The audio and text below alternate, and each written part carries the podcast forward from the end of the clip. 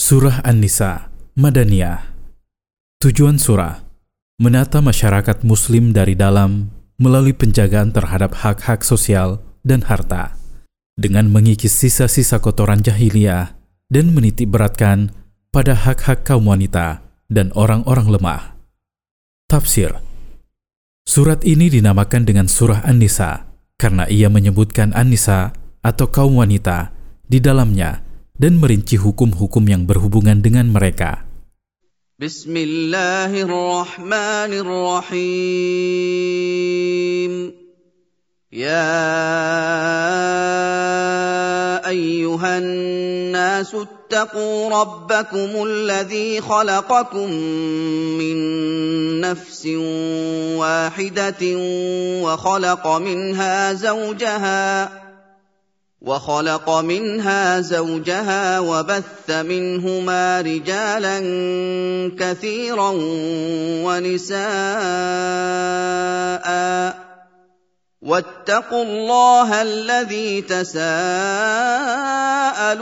به والأرحام. إن الله كان عليكم رقيبا. Wahai manusia, bertakwalah kepada Tuhan kalian, karena dialah yang menciptakan kalian dari satu jiwa, yaitu bapak kalian, Adam.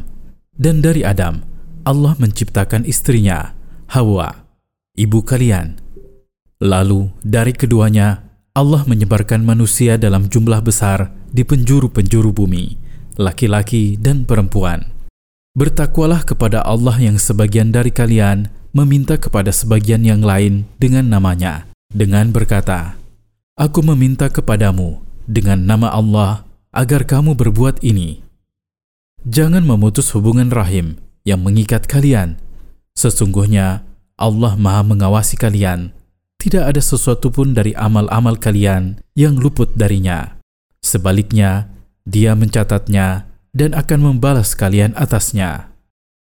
وآتوا اليتامى أموالهم ولا تتبدلوا الخبيث بالطيب ولا تأكلوا أموالهم إلى أموالكم إنه كان حوبا كبيرا. Berikanlah, wahai para wali, kepada anak-anak yatim, yaitu anak-anak yang bapak mereka meninggal dunia saat mereka belum dewasa. Harta mereka secara sempurna jika mereka sudah balik dan bertindak lurus. Dan jangan menukar yang halal dengan yang haram, dengan mengambil yang bagus dan berharga dari harta anak-anak yatim, dan memberi mereka harta yang buruk dan tidak berharga dari harta kalian. Dan jangan mengambil harta anak-anak yatim dengan menggabungkannya dengan harta kalian karena sesungguhnya hal itu adalah dosa besar di sisi Allah. وَإِنْ خِفْتُمْ أَلَّا تُقْسِطُوا فِي الْيَتَامَى فَانكِحُوا مَا طَابَ لَكُم مِّنَ النِّسَاءِ مَثْنَىٰ وَثُلَاثَ وَرُبَاعَ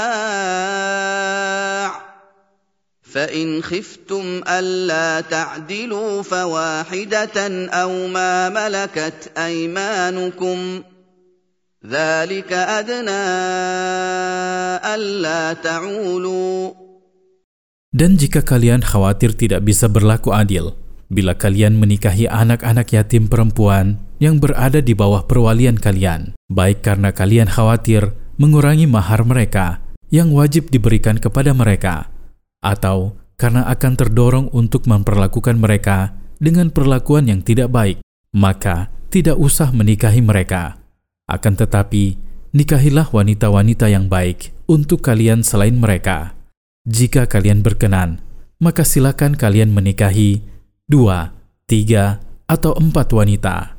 Namun jika kalian khawatir tidak bisa berbuat adil kepada mereka, maka batasilah diri kalian dengan hanya menikahi satu wanita saja, atau kalian bisa bersenang-senang dengan hamba sahaya wanita yang kalian miliki, karena hak mereka tidak seperti hak yang wajib didapatkan oleh istri. Apa yang tersebut dalam ayat ini terkait dengan anak-anak yatim dan pembatasan diri dengan hanya menikahi seorang wanita saja atau bersenang-senang dengan hamba sahaya wanita lebih dekat bagi kalian untuk tidak zolim dan berat sebelah. وآتوا النساء صدقاتهن نحلة فإن طبن لكم عن شيء منه نفسا فكلوه هنيئا مريئا Berikanlah kepada para istri mahar mereka dengan kerelaan hati. Jika mereka memberi kalian sebagian dari mahar mereka dengan jiwa yang rela, tanpa paksaan, maka makanlah ia dengan nikmat dan nyaman. ولا تؤتوا السفهاء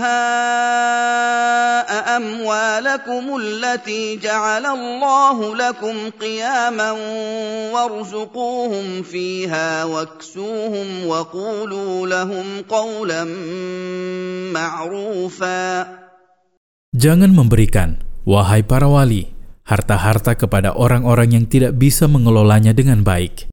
Karena Allah menjadikan harta-harta tersebut sebagai sebab yang merealisasikan kemaslahatan para hamba dan urusan-urusan hidup mereka. Sedangkan orang-orang yang belum mampu mengelola harta dengan baik, tidak kompeten untuk mengurusi harta dan menjaganya, nafkahilah mereka. Berilah mereka pakaian darinya, ucapkanlah kepada mereka perkataan yang baik, dan berilah mereka janji yang baik bahwa kalian akan menyerahkan harta mereka kepada mereka manakala mereka telah dewasa dan mampu mengelola harta mereka sendiri dengan baik. وابتلوا اليتامى حتى إذا بلغوا النكاح فإن آنستم منهم رشدا فادفعوا إليهم أموالهم ۖ فادفعوا إليهم أموالهم ولا تأكلوها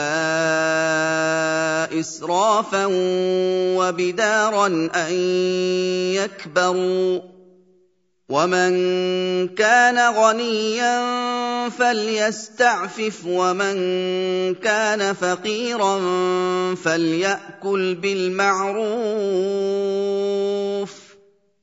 فإذا دفعتم إليهم أموالهم فأشهدوا عليهم وكفى بالله حسيبا Ujilah, wahai para wali, anak-anak yatim, manakala mereka mendekati usia dewasa, dengan memberi mereka bagian dari harta mereka untuk mereka kelola sendiri. Jika mereka telah mampu mengelolanya dengan baik dan telah jelas bagi kalian bahwa mereka telah memiliki tindakan yang lurus, maka serahkanlah harta mereka kepada mereka secara utuh tanpa dikurangi. Jangan makan harta mereka dengan melampaui batas yang Allah halalkan bagi kalian dari harta mereka saat membutuhkan, dan jangan bergegas memakannya karena kalian khawatir mereka akan mengambilnya dari tangan kalian manakala mereka dewasa. Barang siapa di antara kalian yang memiliki harta yang mencukupinya, maka hendaknya menahan diri dengan tidak memakan harta anak-anak yatim. Namun, barang siapa di antara kalian miskin dan tidak punya harta, maka silakan makan secukup kebutuhannya.